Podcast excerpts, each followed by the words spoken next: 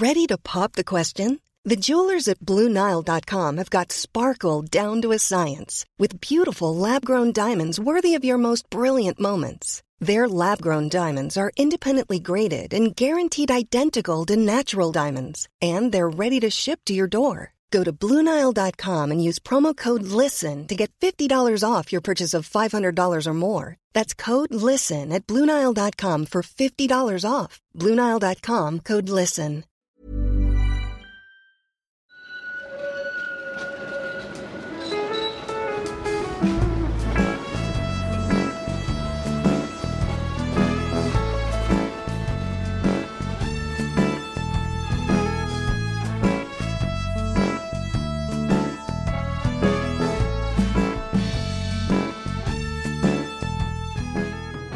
Hej och välkomna till Gator och torg i Göteborg. En podcast om platser i Göteborg. Jag heter Malin och är programledare i podden. Med mig har jag som vanligt gymnasieläraren och Göteborgskännaren Mattias Axelsson. Halli hallå. Hej!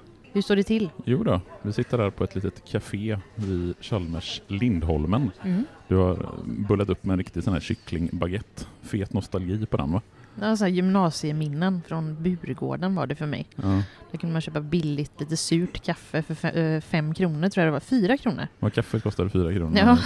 Jag minns ju samma tid från när jag gick på universitetet och då kunde man ju köpa den här typen av baguetter på Södra vägen nedanför humanisten där jag pluggade. Så det är Mm. Ja, lite Nära Korsvägen där. exakt så. Jag köpte baguette där också. Ja, och det är ju tidigt 00-tal, sent 90-tal vi pratar då.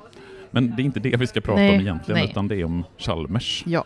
Lindholmen och Chalmers i allmänhet. Innan vi kör igång så vill vi påminna om våran Instagram-sida, Gator och torg i Göteborg. Eh, där får ni lite annat gott i- i form av bilder och sådär. Mm. Eh, och även en påminnelse, om du inte är Patreon så blir det. Ja, Gå in på patreon.com snedstreck gator och torg i Goteborg. mm, för då får du lyssna på alla våra avsnitt i full längd. Det här är ett gratisavsnitt så det får alla lyssna på. Men Kapar vi det bara rakt av? Om inte du går in och blir Patreon. så brutalt det låter. Men det är det, det, är det som händer. Det är det som ja, händer. ja, och det Mm. vill vi ju inte. Nej, det vore fruktansvärt tråkigt. Nej.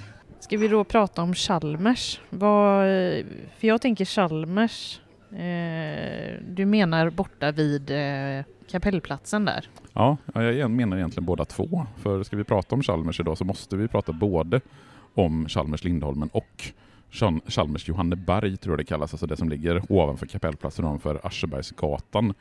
Och det är ju lite uppdelat att eh, på Johanneberg så har de de flesta civilingenjörsprogrammen. Här ligger också Chalmers kårhus. Medan här ute på Lindholmen så finns högskoleingenjörsprogrammet och även sjöbefälsskolan. Och sen här ute på Lindholmen så har det ju tillkommit en hel del intressanta byggnader under de senaste åren.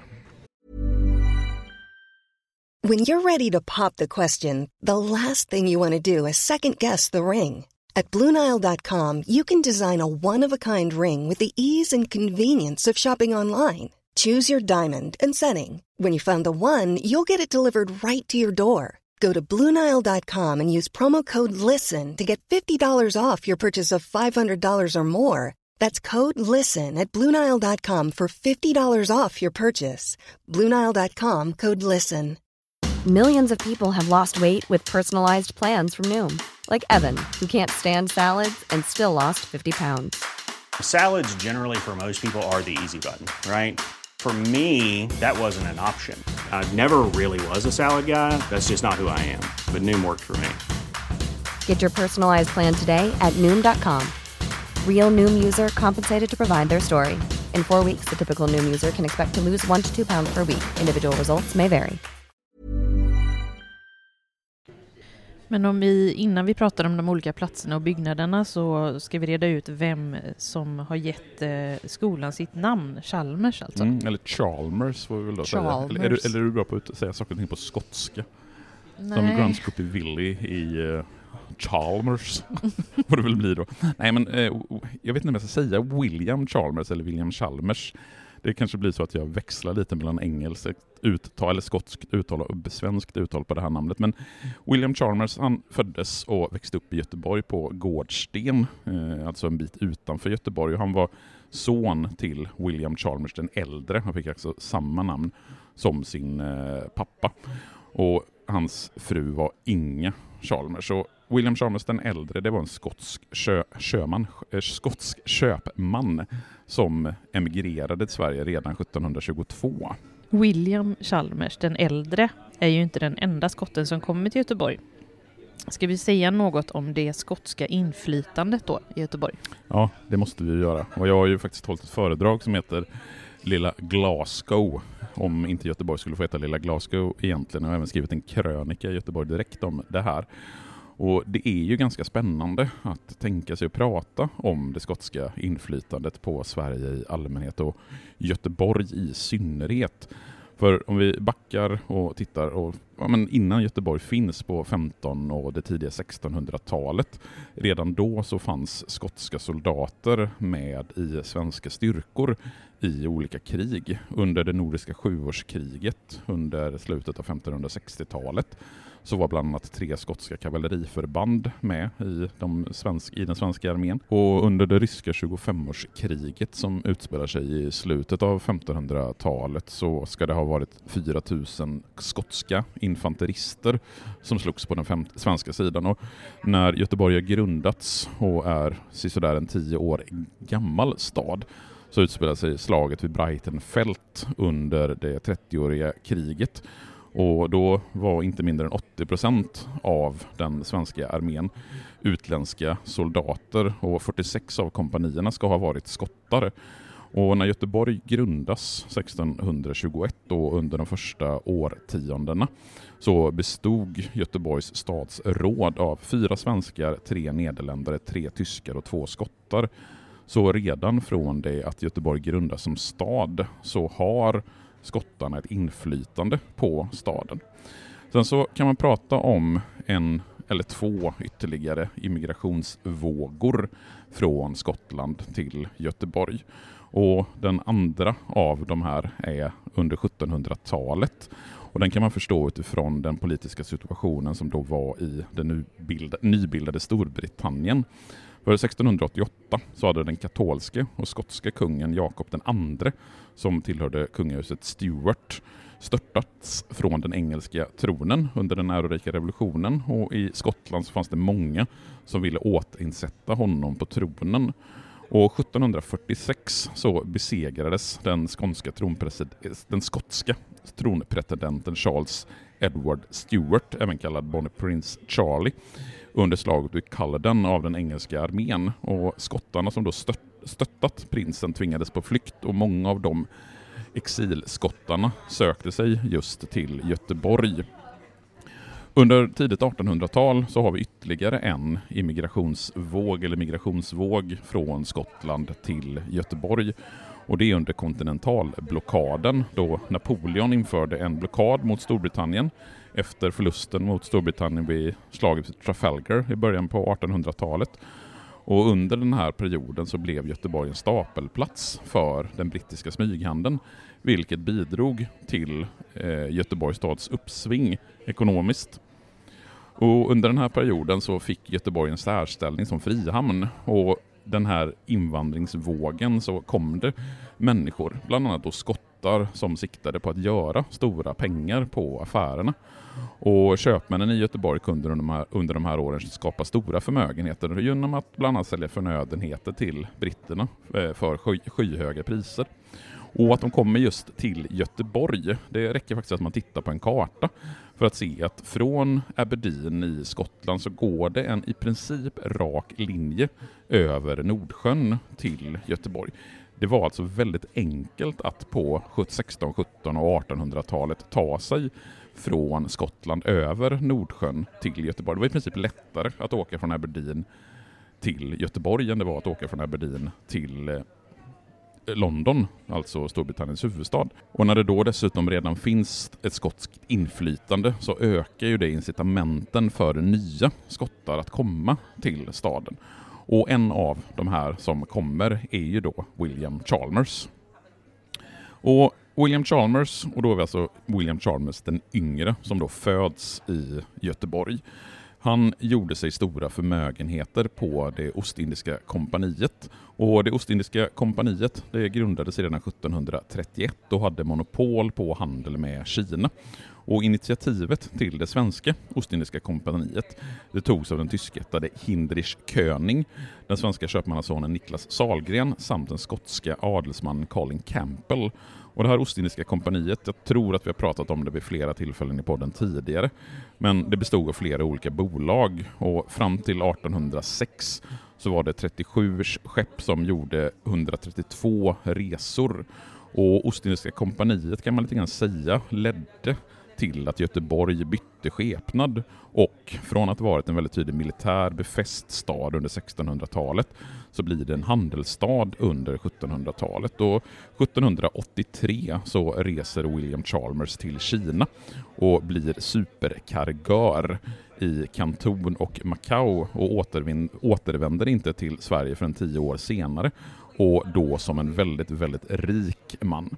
Och när han dör så testamenterar han hälften av sin egendom till Sahlgrenska sjukhuset i Göteborg, som du och jag har pratat om tidigare. Och den andra hälften av förmögenheten, och det är nu vi kommer till skolan Chalmers, för den andra hälften av sin förmögenhet, den testamenterade William Chalmers till citat en industriskola för fattiga barn som lärt sig läsa och skriva. Och den här industriskolan den får namnet Chalmerska slöjdskolan och tanken med den det var att barn från fattiga familjer som kunde läsa och skriva skulle kunna gå i skola och få en bra utbildning. För det man ska komma ihåg det är att den sociala skiktningen i Göteborg här i slutet på 17 början på 1800-talet den är väldigt tydligt markerad. Och i arbetarstadsdelarna som Haga, Majorna och Stampen där bor det liksom arbetarfamiljer. Och de här goda åren, först med Ostindiska kompaniet och sen under Napoleons kontinentalblockad, den hade skapat stora förmögenheter för en del göteborgare. Men de här förmögenheterna de tillkom ju bara ett fåtal göteborgare. Och i Göteborg så fanns det ju samtidigt en väldigt stor grupp fattiga. Och det var de som William Chalmers siktade in sig på när han skapade den Chalmerska slöjdskolan. Var i stan låg den här Chalmers slöjdskola då? Den låg i det sjätte kvarteret vid Lilla Bommen och hade adress Norra Larmgatan 4. Och platsen som låg precis mot vallgraven kallades för Hultmans Holme efter den tidiga ägaren, snickarmästare Niklas Hultman. Och vid den stora ombyggnaden i Östra Nordstan på 1970-talet så revs tyvärr det första Chalmerska slöjdskolan. Ingenting finns kvar av de här tidiga lokalerna. Men 1829 i november så invigdes Chalmers slöjdskola i nya lokaler. Och vid starten så hade skolan tio elever och tre lärare. Undervisningen omfattade bland matematik, fysik, kemi med laborationer, kemisk teknologi samt ritteknik. Och 1869 så flyttade slöjdskolan till nya lokaler på Storgatan. Och då var ju det i samband med utbyggnaden av Göteborg som skedde under andra halvan av 1800-talet. Man tog ju bland annat fram en ny stadsplan 1866. Det är ju då i samband med detta som hela Vasastan med Vasaplatsen och Vasagatan växer fram. Och Det finns ett jättefint gammalt vykort på den Chalmerska institutionen som jag ska lägga upp på vårt Instagram där någon med hand stil har skrivit, dragit en pil in mot ett fönster på det Chalmerska institutet och skrivit matematiksalen där våra öden i lägre avdelningar avgöras. Finns de här lokalerna kvar än idag? Ja, absolut. Eh, de ligger mellan Vasagatan och Storgatan precis väster om Kungsportsavenyn. Två kvarter tror jag det är väster om Avenyn. Och det är Valands konst, konstskola som använder huset idag. Och står du på Storgatan och tittar på huset så kan man se att det står Chalmerska institutet längst upp. Och går du på Vasagatan och tittar upp så ser du att det står Slöjdföreningens skola. Och jag ska också lägga upp en liten bild på Slöjdföreningens skola. För att om du tittar noga på K i skola på den bilden, ser du någonting speciellt med K i skola där? Det ser fel ut på upp och ner. Ja, det är spegelvänt och upp och ner och det beror på att det är faktiskt min kollega Magnus Lilja som är målare. De gjorde om Eh, och renoverade, fasadrenoverade för ganska många år sedan så fick de uppdrag att sätta upp det här slöjdföreningens skola och då var de så klantiga att de satte K helt enkelt spegelvänt och upp och ner. Så det är en liten, ett litet fel där i slöjdföreningens skola som man kan se om man står på Vasagatan och tittar upp och det är då Magnus Liljas fel.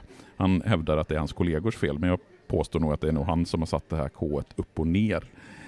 Men 1926 så flyttar man till Gibraltarområdet uppe vid Landalabergen, alltså där Chalmers har sina huvudsakliga lokaler idag. Men vad var det för område då som man flyttade till? Ja, om vi ska titta på vad det är Chalmers flyttar till så får man ändå backa ytterligare några årtionden.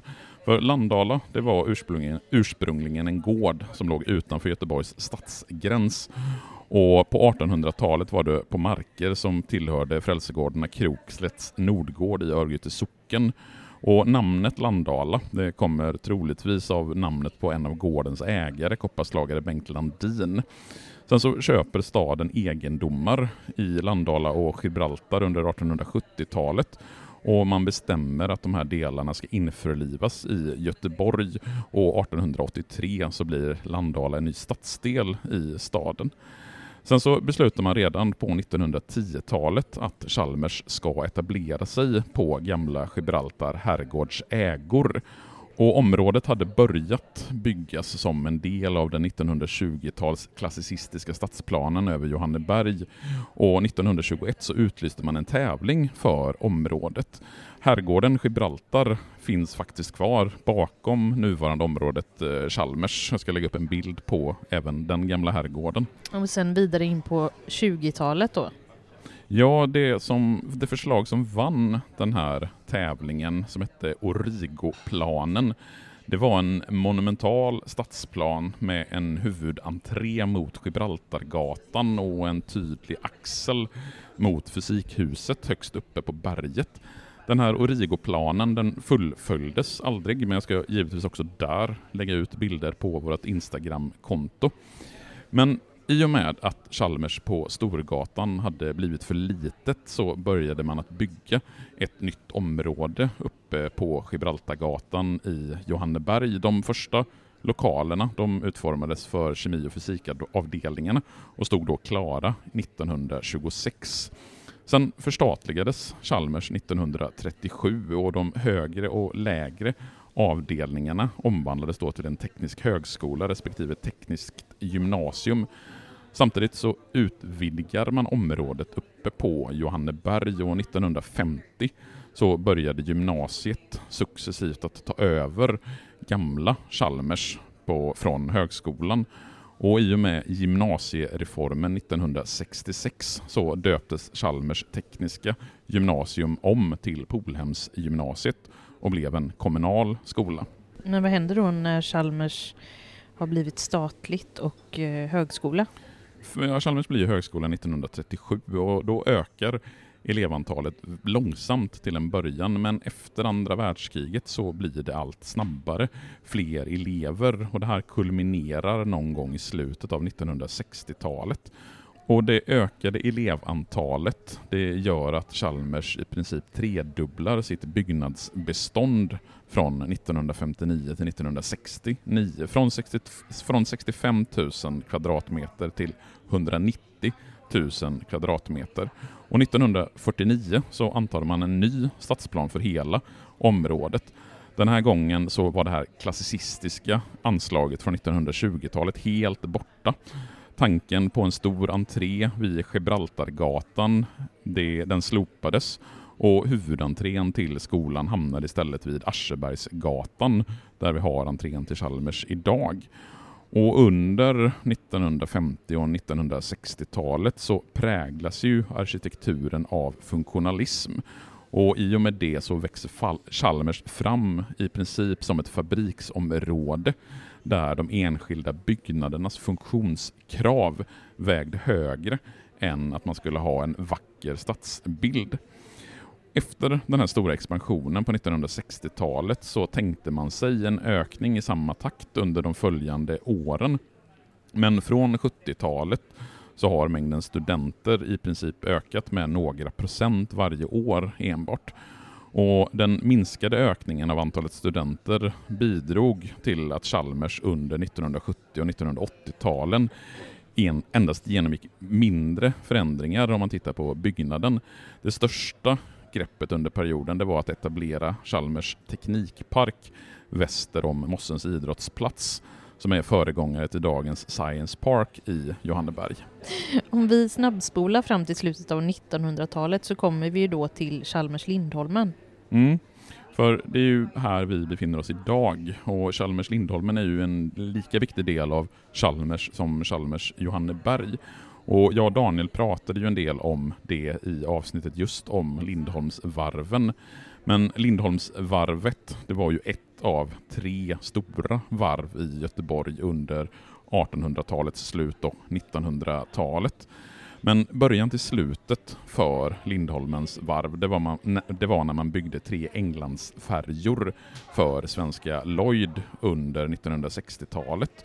Och Det här var en ny typ av färja som man inte hade byggt tidigare. Det gjorde att det var väldigt kostsamt och man drogs med väldigt stora förluster, vilket gjorde att ägarna av Lindholmens varv sålde hela varvet till Eriksbergs Mekaniska Verkstad 1971 Eriksberg hade brist på kunnig personal och varvsarbetare flyttade från Lindholmen till Eriksberg. Och 1974 så byggdes det sista fartyget på Lindholmen. Sen under 1970-talets slut och 1980-talet så står ju Lindholmen i princip och förfaller. Det är kanske inte en spökstad, men det är ju väldigt nedgånget och väldigt ruffigt, ruffigt och byggnaderna på Lindholmen minner ju om en varvsepok som är över. Varvsindustrin flyttar ju från Europa bort till Asien där det blir billigare att tillverka båtar. Och sen så tar Göteborgs stad över ansvaret för Lindholmen i början av 1990-talet. Och med det så placerar man bland annat sex stycken gymnasieskolor, bland annat Bräckegymnasiet som jag jobbar på. Samtidigt så etablerar man Chalmers tekniska högskola på Lindholmen. Och här har man då dels ingenjörsutbildning och viss forskning. Och den här satsningen på att bygga Chalmers ute på Lindholmen, den kallar man för Kunskapscentrum Lindholmen. Vi sitter ju precis här på kaféet där vi ser det här huset som kallas Kuggen, som är i grönt och rosa och orange då. Som en cylinder. Mm, den har kallats för eh, en av de mest Instagramvänliga platserna i Göteborg enligt någon sajt som jag, när jag sökte på information om kuggen. Jag vet inte, tycker du att det är en Instagramvänlig byggnad? Jag har inte provat, men jag brukar inte hänga här så mycket. Så. Du brukar inte hänga så mycket på Instagram heller. Så men jag tycker den är fin. Ja, det är den. Mm. Vi ska givetvis lägga ut bilder även på kuggen så att ni får se hur den ser ut. Och idén till kuggen, den föddes hösten 2007 där man, när man diskuterade hur Lindholmen skulle kunna utvecklas och hur Lindholmen skulle kunna se ut. Och Kuggen har ju fått sitt namn på grund av att den ska likna kugghjul till utseendet. Alltså kugghjul som ligger på varandra. Det är ju en, två, tre, fyra, fem våningar. Och Det här utseendet ska den ha fått delvis på grund av aerodynamiska faktorer. Och be mig för guds skull inte förklara vad man avser med att man har fått de här aerodynamiska funktionerna, vad det liksom innebär. Men det var Vingårds arkitektkontor som på uppdrag av Chalmers Fastigheter ritade kuggen under 2000 eller 00-talets sista år. Man började bygga i oktober 2010 och byggnaden som väl inrymmer, inrymmer delar av Chalmers bibliotek tror jag, och sen är det studiesalar i eh, andra delar av byggnaden. Totalt så ska det, den invigs i mars 2011 och totalt så ska det finnas då 190 kuggar, alltså utstickande eh, delar med kontorsplatser. Och om man tittar på byggnaden så kan man se att huset växer i omkrets för varje våning och på så vis ger sig själv skugga. Och dessutom så följer en stor skuggskärm solen ut med fasadens övre plan. Så det här är ju en av de kanske mer i ögonfallande byggnaderna som finns i anslutning till både Chalmers Lindholmen och Chalmers Johanneberg. För i övrigt så är ju, ja, här på Lindholmen så är det inte några jätteroliga byggnader, det kan man ju inte påstå. Är det något mer vi kan tänka säga om platsen? Ja, det var en sak som jag faktiskt kom på som kan vara värd att nämna. Eh, jag sa ju det att i Chalmers gamla lokaler på Storgatan så flyttade ju Polhemsgymnasiet, eller den gymnasieskola som blev där, omvandlades och blev Polhemsgymnasiet. Sen flyttade ju Polhemsgymnasiet ut hit till Lindholmen när Göteborgs stad tog över Lindholmen och massa gymnasieskolor, bland annat Bräcke gymnasiet, Ester Mosesson och så vidare, förlas här ute till Lindholmen. Och sen så när Chalmers flyttar hit så blir det åter en knytning mellan Polhemsgymnasiet och Chalmers. Och där har vi liksom någonstans gått från William Chalmers på 1700-talet och det skotska inflytandet på Göteborg. Och vi kan ju väldigt tydligt se, och det kommer vi väl förmodligen att återkomma till i andra avsnitt framgent. Det är inte bara William Chalmers som skotte som har betydelse för olika platser.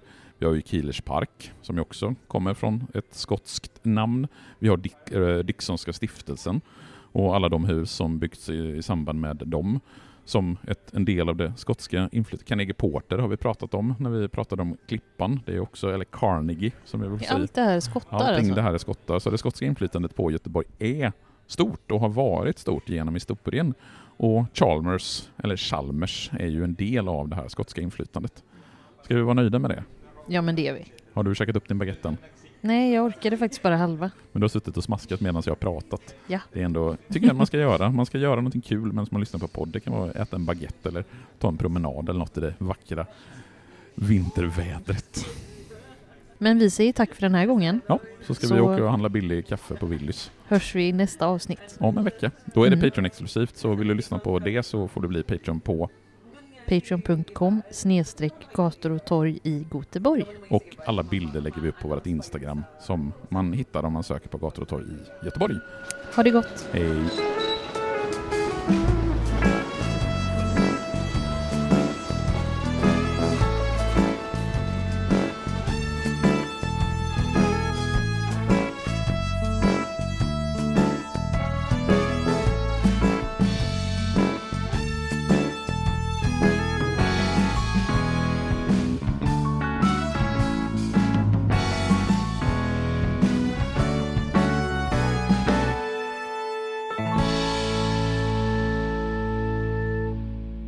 Gator och torg i Göteborg produceras av Reostat Media AB.